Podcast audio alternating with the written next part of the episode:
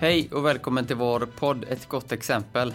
Jag heter Daniel Oddamar och jag är 46 år gammal och jobbat som kock i över halva mitt liv. Under mina sista 10 år som kock så upplevde jag att vi producerar allt mer mat, vilket också ledde till att mer mat hamnar i soptunnan. Frågan blir till slut omöjlig att undvika. Varför slänger vi så mycket mat? Jag slutar som kock men blir kvar i branschen i hopp om att förändra den. Jag startar bolaget Generation Waste med en vision att förändra människors beteende, minska matsvinnet och i längden bidra till en bättre värld. Efter många år i restaurangbranschen har jag mött extremt många intressanta och nytänkande människor som har inspirerat mig till att värna om miljön och tänka i nya banor. I denna podd vill jag lyfta fram dessa människor och deras resor i hopp om att de ska inspirera dig som lyssnar. Filip Axelsson kommer från en restaurangfamilj där nästan till alla har drivit restaurang. Han har därav en naturlig kärlek till mat, men har också fått uppleva baksidorna av livsmedelskedjan med egna ögon. Mat som slängs, råvaror som väljs bort på grund av skönhetsfel och livsmedel som har flugits in från andra sidan jordklotet för att sedan hamna i soptunnan. Tillsammans med sin bror Fabian bestämde han sig till slut för att göra något åt saken och förändra restaurangbranschen. Tillsammans startade de ett företag med visionen att göra det enkelt och lättillgängligt att äta hälsosam och klimatsmart mat. Flera gånger har han och hans företag kommit på tal i podden. Nu äntligen är han här för att berätta mer om sig själv och den lysande stjärnan Nordish Market. Välkommen Filip Axelsson och till er som lyssnar så säger vi i vanlig ordning God lyssning. Uh, Alright, då välkomnar vi hit uh, Filip Axelsson från Nordish Market som du har varit med och uh, grundat med din bror. Välkommen hit. Tack så hemskt mycket. Vad heter, vad heter din bror för att presentera honom också? Han heter Fabian. Fabian? Ja. ja Hur är läget? Mm, jo, det är bra. Det har varit en eh, kul men ganska stressig vecka. Så nu känns det skönt att det är fredag och en god massarin framför oss. Ja. det, det känns väldigt bra. ja, gött. Jag ringde dig, vi pratades vid, var det förra fredagen tror jag var jag uppe i Stockholm och du hade full fart där. Ni har mycket att göra så det rullar på bra för er. Det är jättekul. Uh, ja, det, det, är kul. Men det är också, jag tror det handlar mycket om att det um, dels är det mycket att göra men också att vi är fortfarande ganska små. Uh, nu har vi kommit ut på andra sidan, känns som lite grann från coronavåren. Mm. Um, och så vill man göra väldigt mycket samtidigt. Liksom allt från att vi ska driva en, en restaurang och en matleveranstjänst samtidigt som man vill göra sådana här grejer och vara ute och prata och träffa folk och intervjua potentiella nya medarbetare. Mm. Så det, det känns ja, det är kul men det är mycket. Mm. Eh, vi har ju ett, så jag skickade lite frågor till dig och vi ehm, eh, ska försöka hålla mig till det. Men då när jag gick in och kollade på din LinkedIn-profil så tänkte jag bara så här, shit, den här gubben har ju gjort hur mycket grejer som helst. Vilken, eh, vilken alltså du har ju, hur gammal är du? 33. 33? Mm. Jäklar. Och Rickard, hur gammal är du? 27. 27 och jag är 46. Mm. jag tänker vi kan väl börja lite för att jag, jag har ju som sagt kollat upp det lite grann. Och eh, du är från en, liksom en restaurangfamilj från början? Exakt. Nej, men det, vi är uppvuxna framförallt i en småföretagarfamilj och släkt. Liksom där eh, mamma är frisör, pappa har drivit restaurang med sin faster. Eh, farfar drev, startade Jack idag, nattklubb en gång i tiden. Och sen har han haft galleri. Farmor drev en annan nattklubb innan hon gick bort tidigt. Och mina morbröder har jobbat, och morfar, med liksom el och automation. Men även de har varit inne och jobbat lite i restaurang när de var yngre. Eh, så att ehm, restaurang har alltid funnits och det blev så att min brorsa och jag jobbade väldigt mycket hos pappa och, och vår faster då på deras, eh, på deras restaurang som de, de drev hela vår uppväxt. Eh, så att därifrån har jag ju liksom jag har nog alltid vetat att jag ska jobba med mat på något sätt utan att jag kanske har specifierat det för mig själv.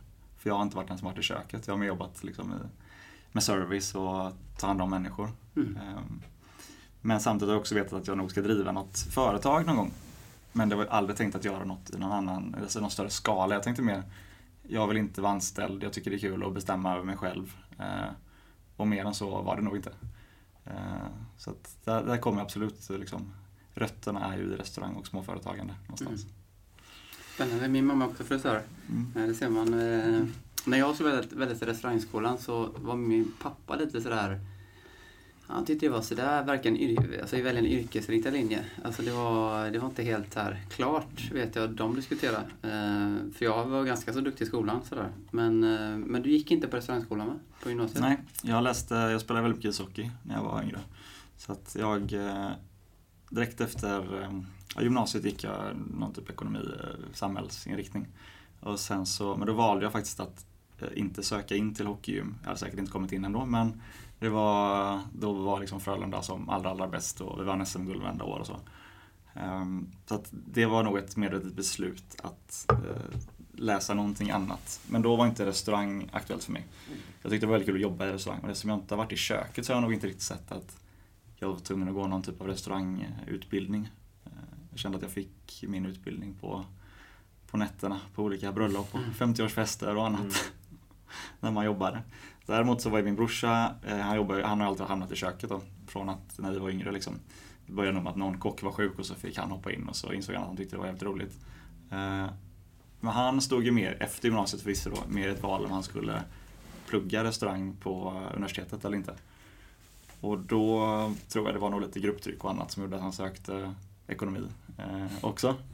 Ehm, och nu blev det bra till slut, men han var i alla fall, tror jag, han, i hans värld var det nog ändå ett, ett, ett val att faktiskt, han funderade på om han skulle söka någon typ av restaurangutbildning. Medan för mig var det nog, eh, tänkte nog aldrig riktigt i de banorna tror jag. För, för det, som jag, det som slår mig så här, som jag upplever med min bakgrund inom restaurangbranschen, att man har, jag har en treårig restaurangutbildning i bagaget. Sen har jag ju drivit en egen krog som jag drev i tre år och där fick jag lära mig företagandet på något sätt. Det har ju liksom Eh, den hårda vägen. Men du har ju en sån otrolig utbildning och det är det som jag kan tycka saknas i restaurangbranschen. Alltså folk som har, alltså som har bra, bra tänk på ekonomi och marknadsföring. Eh, så det tycker jag är väldigt eh, spännande bakgrund. Men sen så fattar jag som att du har varit i, du har varit i USA va? Ja, jag var och spelade hockey på college-nivå ett år. Och lekte runt. Mm. Spännande. Ja, det var superkul. Vi, ja. var, vi var fyra stycken som spelade ihop i juniorerna i Frölunda då. Ja. Uh, och då råkade det vara att alla de tre var ett år äldre än mig, men jag gick i samma årskull i skolan som de, för jag hade börjat ett år tidigare. Då. Så att då blev det liksom, okej okay, vad ska vi göra nu? Ska vi ut och resa eller ska vi fortsätta med hockeyn? Ska vi dra ner och spela liksom division 1-hockey i Småland eller någon annanstans? Uh, nej men vad fan, vi testar att sticka och spela collegehockey istället. Det är säkert mycket roligare, så får man utbildning också. Så att det gjorde vi och det var fantastiskt. Jätte, jätte erfarenhet. Vart i USA var det? Vi var i Providence, eh, Rhode Island. Så det är ah, okay. typ 45 minuter söder om Boston. Ah, mm, verkligen så hockey, hockeymecka ah. och en, där vi hamnade var också super college-stad. Liksom. Så det var, vi hade skitkul. Sen så blev det så att efter ett år så var det en av killarna ville flytta med sin familj som skulle flytta utomlands. Och en kille längtade hem lite grann och sen var vi övriga två lite fan ska vi vara kvar eller inte? Det kostar rätt mycket pengar att, mm. att bara leva i USA och inte kunna jobba kontra att komma hem och få en fin utbildning liksom, hemma gratis. Mm. Så att då flyttade vi hem och började plugga så småningom istället. Okay. Eh, när la du liksom hockeykarriären åt, eller spelar fortfarande? Är du fortfarande... jag spelade fram till för två år sedan. Okay, ja, ja, ja, då var jag nog nästan äldst i serien tror jag. Ja. Men det var när jag, jag höll på, jag spelade division 3 fram till ganska nyligen och sen så gick vi upp i division 2 ett tag och då var det helt plötsligt ja, med hockey 5-6 dagar i veckan, borta match i Kalmar på en onsdagkväll ah, okay. och sen mm. ska man upp liksom eh, sju dagar efter och jobba eller vad man nu ska plugga eller vad det nu, vad det nu var då. Eh, sen så testade jag faktiskt att vara tränare ett år jag skulle nog vara tredje tränare var tanken, men så fanns det ingen första eller andra tränare. Så då blev jag liksom första tränare och det tog ju typ dubbelt så mycket tid som att spela. Mm. Eh, skitkul, men det var, ja, jag älskar det, jag skulle jättegärna vilja hålla på med det. Både, ja, det är tough. Alltså vill man ha som nu, liksom, det, det går inte. Jag får inte ihop det. Tyvärr. Vilket lag var du Då var jag i Hovås sista åren. Okay. Har du spelat också? Nej, jag har kompisar som spelat. Ja. De flesta har ju spelat Kollare då. Mm. Kollare har vi mött. Massor. Fin ishall här uppe. Ja, ja. numera är den väldigt fin. Ja. Det är så kul tycker jag, för jag, jag är själv fotbollstränare mm. och jag älskar fotboll då. Eh, jag är inte vass på att åka skridskor så jag, det väldigt hockey för mig. Men det här med att vara, alltså, har du tagit med dig mycket drivet i, från idrotten in i, liksom i, när du driver business? Alltså att du har den här Vinnar... Eh, Vinnar, eh, ja precis. Den finns ju 100%. Mm. Sen så får man ju kanalisera den kanske på lite andra sätt. Eh, i idrotten så jag är kanske inte känd för att vara en finlirare utan det är mer jobba så jävla hårt du bara kan eh, mm. och ge aldrig upp. Typ. Eh, och det kommer man ganska långt på. Sen kanske man liksom inte, det funkar inte alltid och i ett jobbsammanhang så måste man kanalisera det på ett annat sätt. För att man har Istället för att ha liksom 20 stycken lagkamrater som alla är där för exakt samma syfte. Man går dit två timmar på kvällen bara för att liksom verkligen träna hårt och köra sin grej. Eh, på en arbetsplats kan man ju vara ihop kanske 8-10 timmar om dagen. Länge, länge, länge förhoppningsvis. Eh, och jag tror att då får man jag gillar tanken på, eller jag gillar liksom idrottslags eh, delen utav det. Att vi, vi, är, vi är ett lag som kämpar ihop och vi har en ganska tydlig målsättning vart vi är på väg någonstans. Men man kan inte kanske ställa riktigt samma krav när det kommer till att du ska ge 100% energi hela tiden och annars liksom kan vi ungefär skälla på varandra ifall det inte funkar. Liksom. Mm. Så att jag tycker att eh, jag har mycket med mig eh, från eh, ja, att liksom arbeta med människor. Mm. Eh, och olika typer av människor. Eh, framförallt tycker jag sista åren jag, när jag spelade hockey de sista åren, när jag helt plötsligt då, innan har jag alltid spelat med liksom, personer som var i min ålder i princip. Ge eller ta, ett eller två år upp eller ner. Men de sista åren så var det liksom killar som var födda 2000.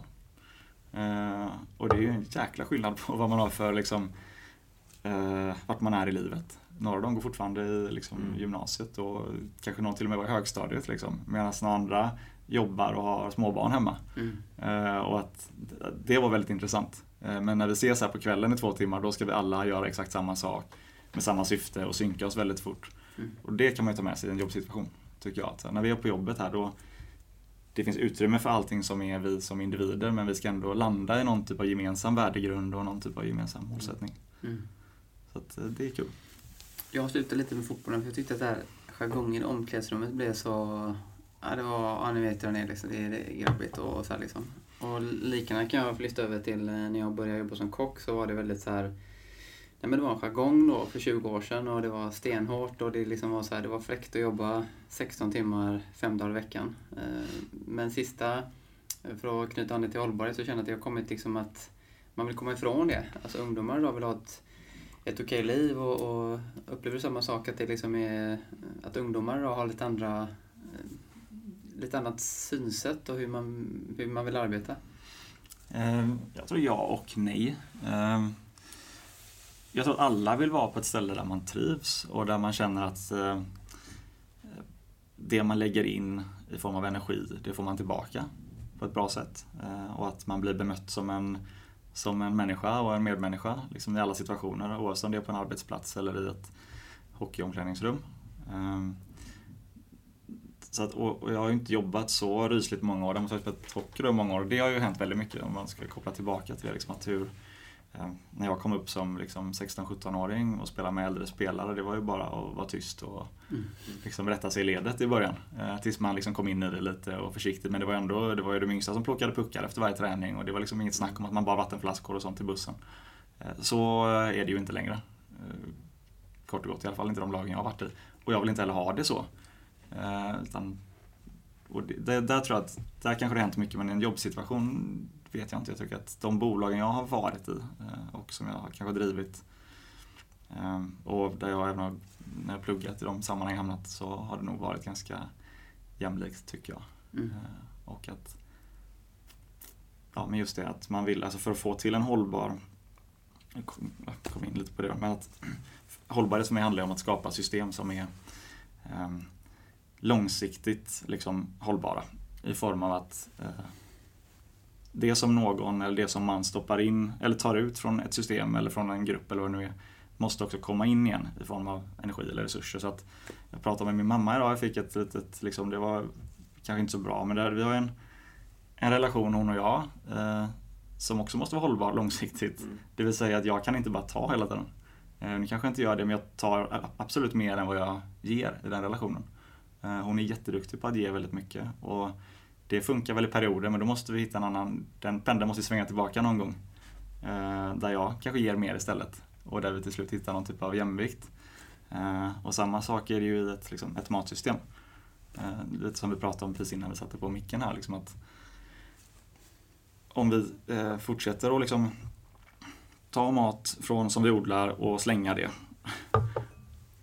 hela tiden lite mer än vad vi, än vad vi käkar upp. Det har ju funkat i ganska många år för att vi har haft möjlighet att odla mer eller vi har haft billig arbetskraft eller vad det nu är som har gjort att vi har kunnat köra på med det systemet. Men nu börjar det komma till en gräns när det inte funkar längre. Eh, och då måste vi börja ge tillbaka till systemet på ett vettigt sätt. På samma sätt som att jag kommer behöva ge tillbaka i min relation med, med morsan någonstans mm. för att annars så brister det till slut. Mm. Och det tror jag är Fan vilken bra liknelse. Jag har inte tänkt, alltså, så tänker man ju... Ja, fan vad smart. Alltså att Mm. man ser det ur den, eh, i det perspektivet.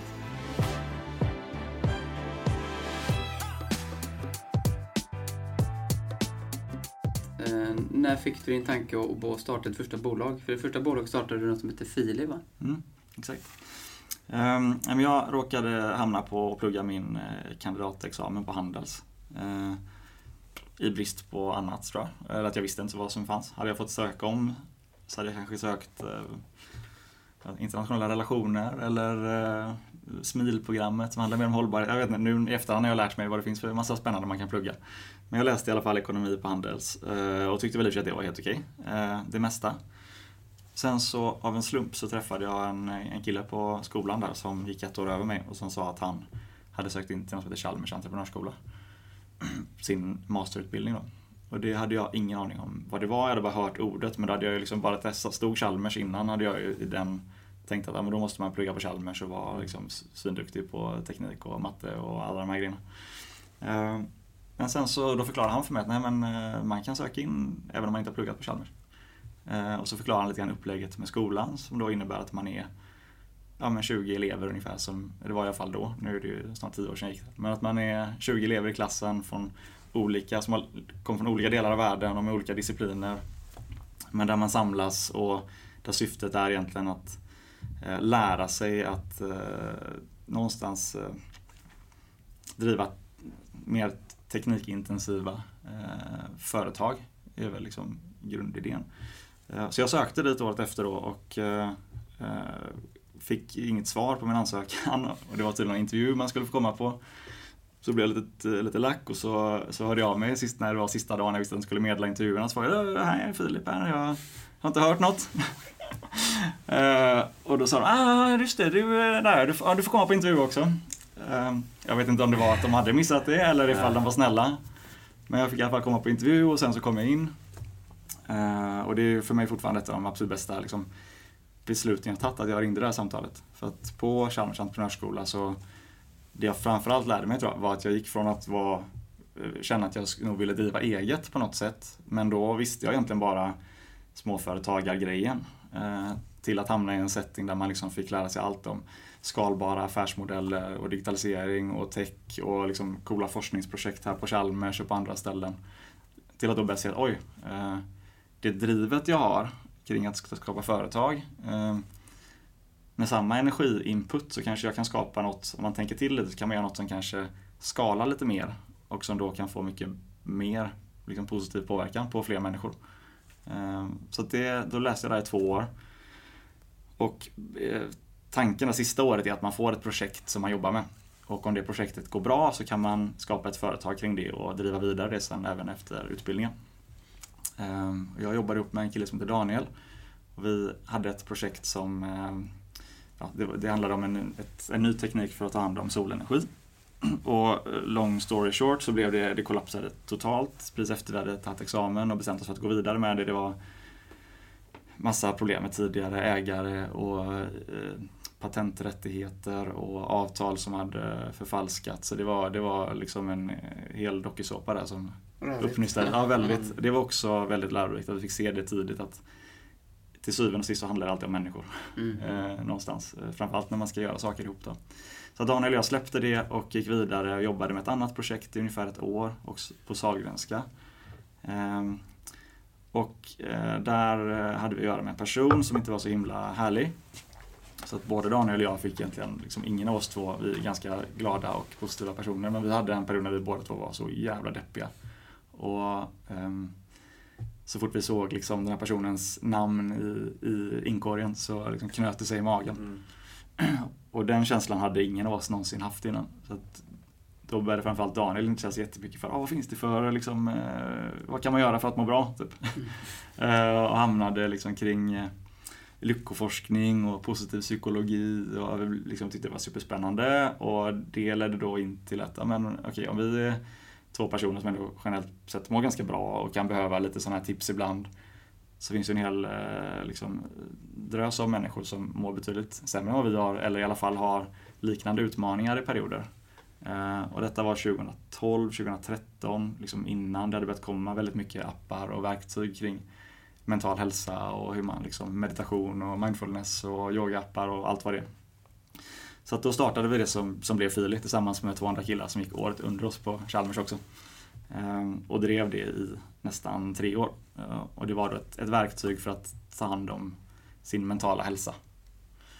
Ehm, så det var väldigt, väldigt spännande ehm, och en jätte, jätteviktig läroresa för mig. Ehm, och liksom det som skulle komma sen kan man väl säga.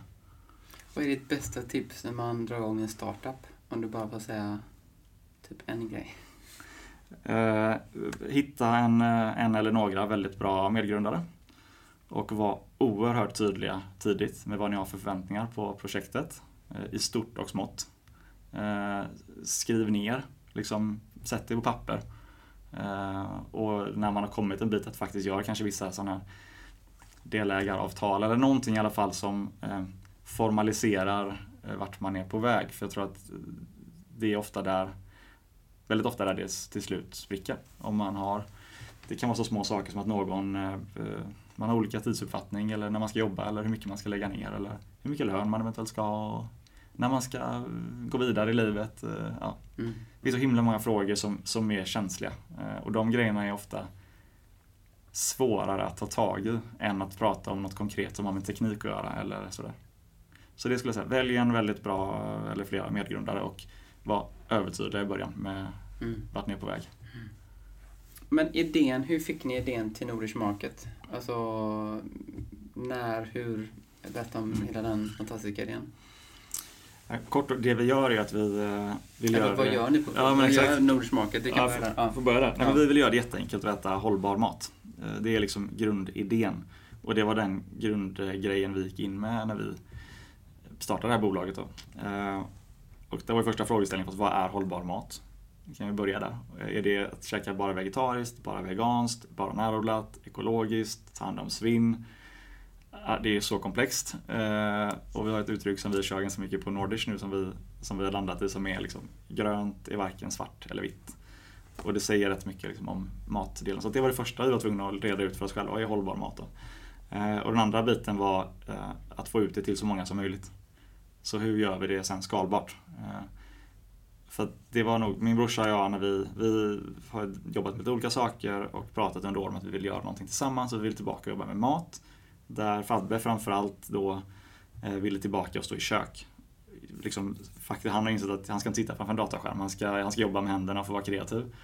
Eh, och i mitt fall så handlar det mycket om just det här väldigt mycket hållbarhetsfrågan och hur vi kan ha bra saker för världen och hur kan vi göra det i skala någonstans.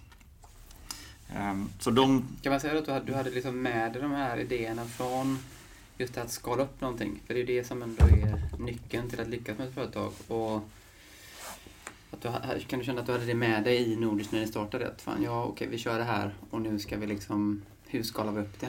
Alltså 100% från början. Mm. Eh, jag jobbade, var ett tag och jobbade även på ett, ett bolag som heter Axel Arigato emellan. Som jobbar med eh, e-handel och sneakers och numera även kläder. Eh, helt annat mot vad jag gör nu men det de gjorde var att, eller vi gjorde, var att vi skalade upp väldigt, väldigt fort till väldigt många länder och det var ju en jätteläropeng att se att man kan göra det till att börja med. Det är möjligt från ett litet kontor på Drottninggatan att liksom sälja till hundra länder inom ett år. Typ. Eh, skithäftigt. Så att ja, när vi gick in så var det en av grundpremisserna. Det var hållbar mat och det var att det ska gå att skala upp på riktigt. För att ska vi göra någon större skillnad eh, så måste det ut till många. Och det kommer vara jättemycket svårare och det kommer vara jättemycket tråkigare säkert än att driva en liten härlig gårdsrestaurang eh, som är fantastisk och som man älskar att äta på. Men med, med, eh, ska man skapa en plattform som, som kan göra skillnad i det stora så måste det finnas eh, mekanismer som gör att man kan skala det. Någonstans. Så det var, det var liksom grund, eh, grundidéerna då och då landade vi i några saker att eh, maten eh, måste vara eller den, den, behöver kunna standardiseras på något sätt. Och då kommer direkt motsättningen. Hållbar mat är väldigt svår att standardisera. Eh, ska man jobba med säsongsgrejer, eller som vi som tar hand om jättemycket matsvinn, eh, så får vi olika råvaror varje dag. Eh, men då fick vi då istället standardisera tillagningstekniker, strukturen på en maträtt, liksom hur, vi, hur vi tänker kring när vi bygger upp en meny. Det, fick man, det får vi tänka det kan vi kanske standardisera. Medan inputen, exakt vilka råvaror vi har, det får skilja från dag till dag. Typ så. Eh, och samma så insåg vi tidigare att vi behöver använda digital teknik för att nå ut till många människor. För att det kommer bli otroligt dyrt och pengar som vi absolut inte har att öppna liksom 200 restauranger. Utan det var också en tidig idé att vi, kommer behöva eh, ha någon typ av central produktion fast ändå lokal. Mm. eh, för att sen kunna då nå ut till många människor. Så att det vi, det vi har börjat med och som vi har gjort egentligen mest fram till idag, det är att vi, är en, en, vi kallar oss en digital food court för hållbar mat. Och vi riktar oss primärt mot arbetsplatser. Eh, på så vis att vi vill nå människor i sitt jobbsammanhang. Eh, och fram till idag så har det varit så att vi, har ett, vi hyr in oss på nattklubben Trädgården. För de har ett jättestort kök som vi har möjlighet att låna större delen av dygnet. Där lagar vi själva då massa eh, mat på råvaror som är antingen sourcade superlokalt eh, och är liksom ekologiska och hållbart framställda. Eller så är det mat som vi har räddat ifrån matbutiker. Från ja, framförallt Coop, eh, tar hand om all, mat från alla Coop centrala, eller centrala butiker i Göteborg. Eller direkt från gården eller från en del grossister. Eh, och sen så kunderna är typ någon som ska ha ett lunchmöte på kontoret eller ett event, någon AV-grej. Och de går in på vår eh, liksom, hemsida, eh, Nordish Market, och beställer då vad de vill ha och sen så levererar vi ut maten med elektriska lastcyklar i stan och med elbilar utanför stan. Så det har verkligen varit det vi gör fram till nu. Sen har vi jackat in några andra partnerrestauranger som vi tycker är duktiga. Eh, och det kommer några jättespännande nyheter här snart, närmaste veckorna, med liksom fler restauranger som har möjlighet att vara med hos oss. Och det är en jättesvår grej för att vi sa direkt att vi vill hitta liksom andra hållbara restauranger som kan, kan, som kan bredda våran meny. jag ska bara eh, flika in, det är så sjukt intressant att lyssna på. Eh, för er, eran grund, eh, första, första um, när jag lyssnade på det första gången, jag tror att det var på en frukost med pre-opening, mm. då berättade du det här liksom att man, hur, vad händer med innerstan? Hur får vi ut, hur kan vi hyra ut alla lokaler? Ska vi bygga massa nya restauranger och kök? Där är ju där är den första grejen som ni gör svinbra. Ni hyr kök liksom. Mm. Ni tar bort den fasta kostnaden på, på att bygga ett kök med allt vad det innebär. Det är skitsmart. Mm. Och det finns ju, om man tänker efter då, alla skolkök, alla lunchrestauranger. Alltså vi har ju inte ont om kök i, i Göteborg. Eh, där är ju nummer ett klockrent. Hur kom ni på liksom, den idén att ni skulle göra det? Ja, men det var nog, det kommer från liksom att ja, vi har inga pengar att bygga en restaurang för. Mm. Eh, och vi, eh, vi vet inte exakt hur vår verksamhet kommer se ut om ett år. Eh, utan vi hade bara en idé om att vi ville göra hållbar mat skalbar. Eh, och exakt hur det skulle te sig, det visste vi ärligt, ärligt talat inte. Så då, hur kan vi testa vår hypotes om eh, kan vi ens laga mat på massa svinn och lokala grejer? Eh, och då blev första, då måste vi hitta ett kök att vara i. Så att det blev första, och då testade vi med eh, en restaurang som heter Twinkie som ligger på Andra Långgatan. Först. Eh, I ett år ungefär var vi där och körde typ en pop-up lunchrestaurang för de hade inte öppet på lunch då. Ehm, och det var ju jättebra men då insåg vi snabbt att det här är ju en jäkla eh, god idé. Men så när vi då skulle börja skala upp, vi märkte att det här funkar och vi lägger kanske, när vi kände att vår digitala plattform var på plats och vi märkte att vi nog kunde, eller fick så pass mycket att göra att vi var tvungna att kolla efter ett nytt kök och de ville också börja öppna för lunch. Ehm, då hamnade vi på skolan, nu får vi kolla efter, det här vill vi göra igen och det måste finnas jättemånga bra kök vi kan vara i. Ehm, och det gör det, men det är det svåra är att många av de stora bra köken används på dagtid. Typ skolkök. Ehm, och sen finns det då en del andra restaurangkök eller hotellkök, men det är lite, det är lite det kan vara lite bökigt att hitta in i dem och många hotell tjänar ganska bra med pengar så att de såg kanske inte heller liksom, nödvändigheten att hyra ut en liten del av något kök någonstans. Ehm, så då, blev vi ändå, då behövde vi ändå kolla på om vi skulle starta något eget. Men sen så kom vi på fasen Trädgården eh, är ju klockrent. Det är en lokal som har gått från att vara framförallt att laga mycket mat, eh, både luncher och middagar och så, till att nu framförallt att ha en del stora event eh, där de lagar jättemycket mat så att de måste ha kapacitet i köket eller julbord, då måste de kunna ha kapacitet att göra 600-700 mat på en kväll. Men måndag till fredag står det oftast tomt. Ehm, så att det, ja, Grymt smart. Alltså, det, ja, jag tycker det, Jag tror det är det blev så. Jaha, alltså, otroligt hållbart. Jag tänkte en sak, du, du pratade lite här med starta förut, starta företag. Eh, alltså, många sitter med idéer och så tänker man nu, nu ska man, man har filat på allting, man har gjort allting till 100%. Men att dra igång ett företag, du berättar nu att fan shit, vi växte här. Det var lite som när vi startade Generation Waste, det var en Excel-fil. Men jag bara körde. Mm. Och jag, jag brukar alltid säga att eh, det kan inte gå med något helvete. Men om man tror att man, man får inte vara rädd för att misslyckas. Alltså, men att få ut någonting och testa. Jag tror många är så rädda för att misslyckas. Alltså, ja, men ni testar ju hela tiden och man testar ju saker. Det gör ju vi fortfarande med, med det här bolaget. Eh, kan du uppleva samma... Eh, Ja, alltså 100 procent. Jag tror att eh, summan av det vi har gjort är ju eh, eh, en jäkla massa misslyckanden. Som man sen, kan man ju se det som att, man behöver inte se det som misslyckande, vi ser det snarare som experiment. mm, Och sen så, och så, så justerar vi lite på, på experimentet till nästa gång.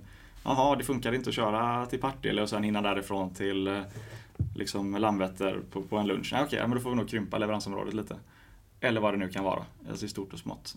Och jag tror att all innovation, eller så här, vi har ingen aning om vad som händer imorgon, helt ärligt. Och än mindre om fem år eller tio år i, i vår verksamhet, med våra kunder eller i världen. Så, så att, eh, därför så är det ju liksom bara, det, är ju, det handlar om att bara ta ett steg framåt hela tiden och testa och utvärdera och gå vidare liksom, och göra små grejer bättre typ varje dag. mm. För när ni då, om man nu ser nu när Corona kom, då började alla jobba med takeaway. Alla krogar började jobba med takeaway. Men då låg ni redan, där hade ni redan gjort det liksom ett, ni var ganska långt framme redan där. Eh, hur liksom kände du att fan, nu har vi, ja, vi, vi, alltså sen var det ju krisigt för alla liksom, Ja. men, men, men just, Jag tror att eh, när coronan kom så eh, det påverkade ju oss eh, jättemycket på grund av att vi hade framförallt företagskunder då, eller i princip bara. Och det som var på privatsidan var ju liksom några enstaka bröllop och sånt som allt blev inställt. Så att för oss blev det ju, och då, då var det lika mycket, då kanske vi hade ännu svårare egentligen än vissa finkrogar som vanligtvis då levererar till privatpersoner och har dem på sin kundlista. Privatpersonerna följer deras Instagramkonto som privatpersoner. Eh, och man älskar att gå till, eh, om det nu är Vrå eller Toso eller Kino eller vilken restaurang man nu gillar. Eh, och när de sen säger men nu kör vi take away också så de har en ganska direkt kanal till sina konsumenter. Eh, sen- Och då behövde inte de göra en kanske lika slimmad digital upplevelse. Sen tror jag att många av de här restaurangerna testade ett tag och sen insåg de att det här är fan assvårt. Eh, det tar tid, eh, maten blir inte lika bra och så vidare. Och så, vidare. så vi såg väl ingen direkt effekt av under coronaåren, snarare att det gick ner. Däremot så drog vi som en del andra igång med att leverera mat mot sjukvården. Mm. Eh, och där hade vi ju då eh, å andra sidan en, helt annan edge för att det kunde vi verkligen. Vi kan göra mat som smakar bra när den efter att den har åkt en cykel ett tag eller en bil och den kan stå framme ett tag och den, är liksom, den är gjord för att levereras. Den är tillagad för att kunna stå framme ett tag och ändå smaka lika bra. Det är liksom hela poängen. Eh, och vi hade logistikflödena uppe, folk kunde beställa enkelt och så. Så att då blev det ganska lätt för oss när vi sen hörde av oss till våra företagskunder och även nådde ut till massa privatpersoner. Och för dem blev det ganska tydligt att okay, Nordish de jobbar redan med att leverera hållbar mat. Mat som är bra både för hälsan och för miljön. Ja men bra, de kan säkert göra ett, ett bra jobb med detta. Så att vi, vi fick ju in liksom nästan en halv miljon i donationer under våren. det är ju fantastiskt. Ja, och gjorde att vi kunde leverera 5000 måltider till sjukvården. Och det berodde på att vi kunde fortsätta göra det varje dag. Det jackade liksom in i vår befintliga modell redan. Eh, Det blev liksom inte alls jobbigt fast det var bara kul. Mm. Eh, Så det, det är klart, då hade vi en jättefördel och jag tror att eh, tittar man framåt så är det klart att vi har vi hållit, eftersom vi gör detta varje dag, det är det enda vi tänker på. Och som nu många tror att mer kommer digitaliseras och det kommer bli man kommer behöva hitta nya sätt att liksom nå sina kunder. Så är det klart att vi tror att vi sitter i en bra position men det, det får vi väl se.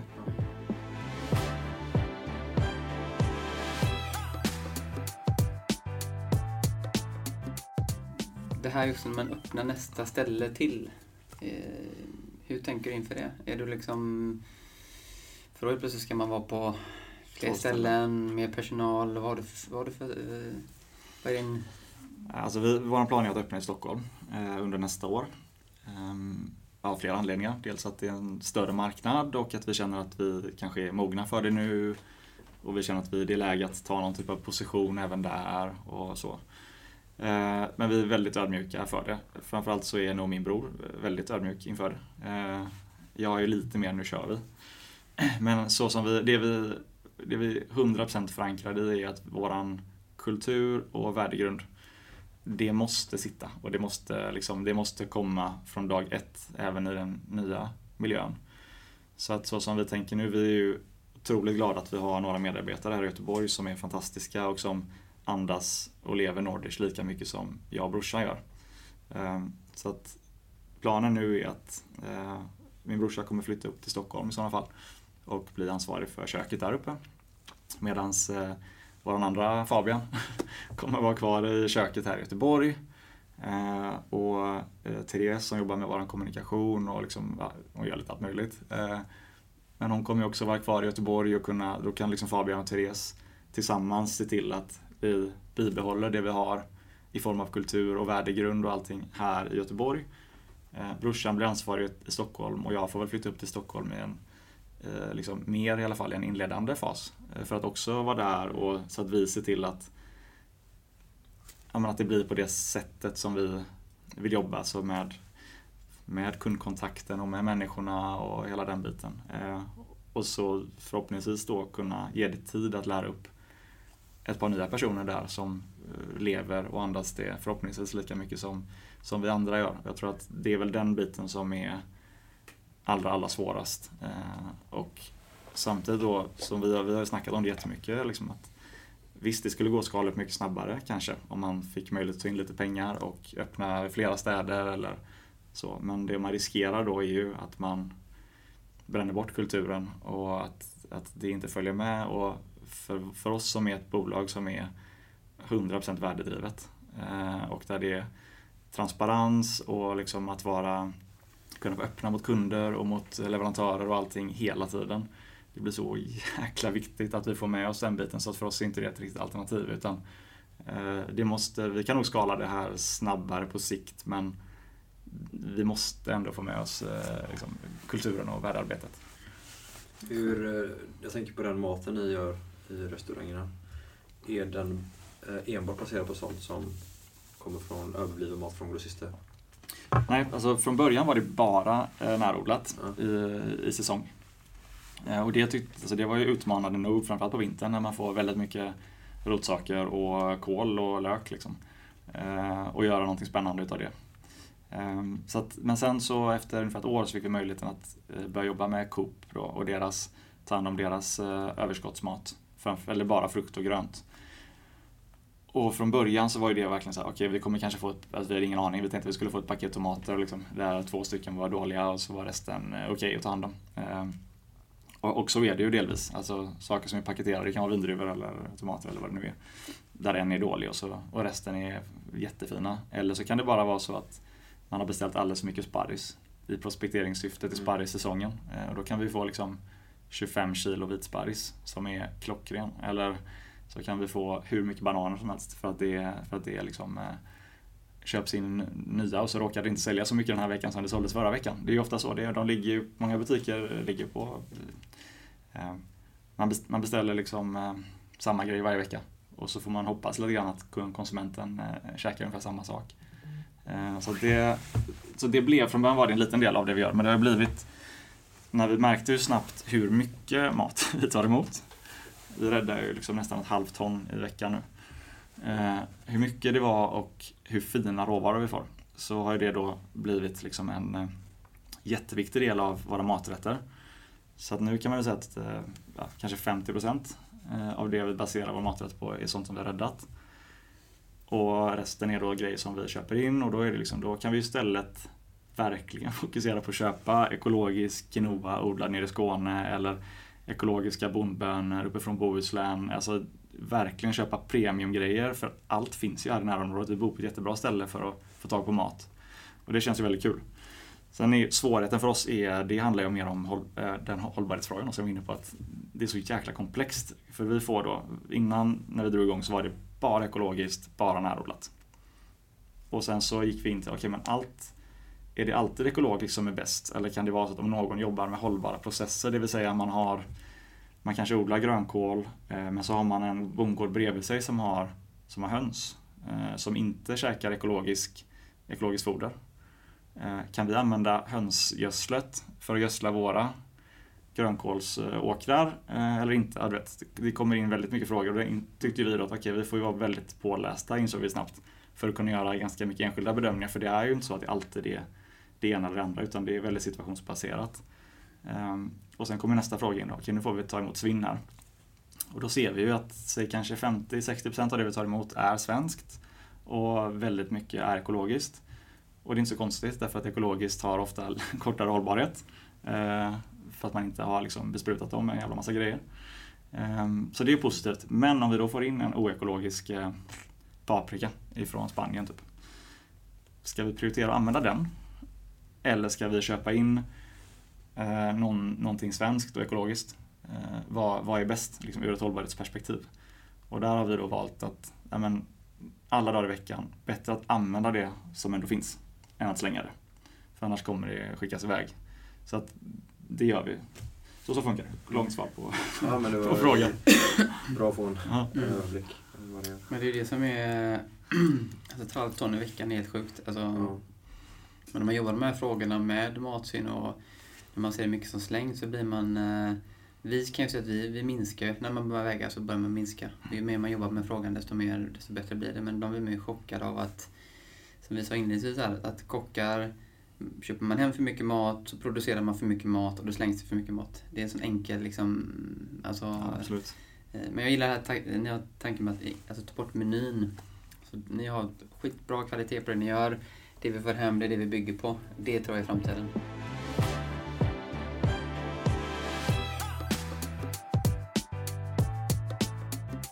Jag har två sista frågor. Mm. Eh, sen ska vi släppa hem dig för att fira fredag. vad, är, vad är ditt bästa hållbarhetstips? Svår fråga men... Eh... Ja, det är jättesvårt. Men jag tycker det ena, det ena tycker, eller jag tar två snabba. Eh, ena är mindsetet att liksom vara jätteöppen för att vi inte vet riktigt vad som händer imorgon. Att hela tiden kunna eh, våga uppdatera sin kunskap hela tiden och våga vara, inse att det kommer ny forskning eller det, det kommer nya produkter eller så att, så att man hela tiden liksom är villig att omvärdera sina, ja, sina förutfattade meningar eller det man vet. Det tycker jag är en, en grundbult för att kunna göra det här över lång tid. Sen så för mig har det funkat ganska bra att försöka liksom, eh, kvantifiera en del grejer i pengar. Alltså precis som Generation Waste bygger på också. att om det nu handlar om att jag köper hem mat till exempel. För mig numera så svider det ju så in i bänken ifall jag ser att det slängs grejer när jag varit på en fest eller man är hemma hos eh, familj eller ja, där det, liksom, det, det, finns för mycket bara av allting. Och hos, i mitt eget kylskåp så är det så att det, det som köps in, det används. Eh, och det tycker jag är samma med, eh, som man kollar på kläder eller någonting, att försöka ändå så här, ja, jag vet inte, gör om det till att det vad det, vad det är i plånboken egentligen i slutändan. Och att man, eh, sen behöver inte det handla om att vara dumsnål eller liksom att, att aldrig köpa någonting nytt. Men att, eh, men att ändå försöka inse att det som jag har köpt på mig här nu, eller som jag har, det ska jag faktiskt försöka att använda. Eh, det tycker jag att, för jag har börjat med det mindsetet i smått då, liksom i mitt eget kylskåp. Sen har det ju spridit sig till hur vi driver företag. Mm. För att det kan man ju sen se på i stort. Okej, om vi varför ska vi ha en massa jäkla företagskläder som ligger i källaren som ingen använder? Det är ju helt bisarrt liksom. Eh, eller vad det nu kan vara. Ja. Uh, ja, man, och ju mer sådana saker man tänker på. Jag var sjukt sugen på köpa den här sneakers. Men fan behöver jag det verkligen? Jag har ju fan ett par hemma som funkar. Det handlar mycket om, som du säger, mindset. Liksom. Mm. Ja, att använda det man har. Tänk liksom, efter. Ja, tänk efter. Liksom. Det, ja. Eh, vem tycker du att vi ska intervjua härnäst i den här eh, podcasten? Har du ett bra mm. tips på någon? Eh... Mm, det finns många spännande. Jag vet när jag, när jag snackat med Sofia på Vrå. Eh, så det behöver vi inte göra igen. Däremot eh, Lotta Klemming som hon jobbar med som plockar ostron uppe i Grebbestad. Mm. Det är jätteintressant tycker jag. Alltså det är ju väldigt nischat eh, men det är ett sånt jäkla hantverk och en livsstil och det gäller ju många andra producenter också men Charlotta är, ett, eh, det är häftigt. Och det är kul då med en, eh, en där man hittat då en produkt som kanske av många, de här japanska jätteostronen, som av många då ansågs vara liksom något invasivt och som var dåligt på alla sätt och vis för vårat, för vårat hav. Men istället kan man, ha då hon tillsammans med Sofia på Vrå, liksom verkligen kommunicerat ut till marknaden att det här är en jättefin produkt. Det är samma som Fyndig klädostronen vi köper nere från eh, Frankrike. Och det borde vi använda istället. Mm. Det, det tycker jag är en häftig grej. Så den, den gillar jag. Sen så tycker jag att eh, killarna som har startat eh, Y-Waste, Sebbe, Kristoffer och, och Martin, är intressanta för de jobbar ju med matsvinn i allra högsta grad men de sitter ju på väldigt, väldigt mycket teknik och data liksom från livsmedelsproducenter i massa länder. Eh, och vet, jag vet att de har massa kul idéer om vad de, vart de vill gå framåt också. Så att eh, det kan nog vara någon att Mm. snacka med fler som bolag om inte annat också. Jag träffade dem för ett par år sedan faktiskt och jag känner dem lite grann. Mm. Eh, Och eh, det går jättebra för dem. De är grymt duktiga alltså. Vi Mm. får två jättebra förslag alltså. Du, supertack att du kom hit Ja, och tack. lycka till med alla dina framtida projekt och ha en god helg. Tack detsamma. Gött. Kul Stort tack för att ni har lyssnat på dagens avsnitt. In och följ oss på sociala medier där vi heter ett gott exempel och tryck på prenumerera-knappen i appen du lyssnar i. Vi ses nästa vecka. Ha det gött!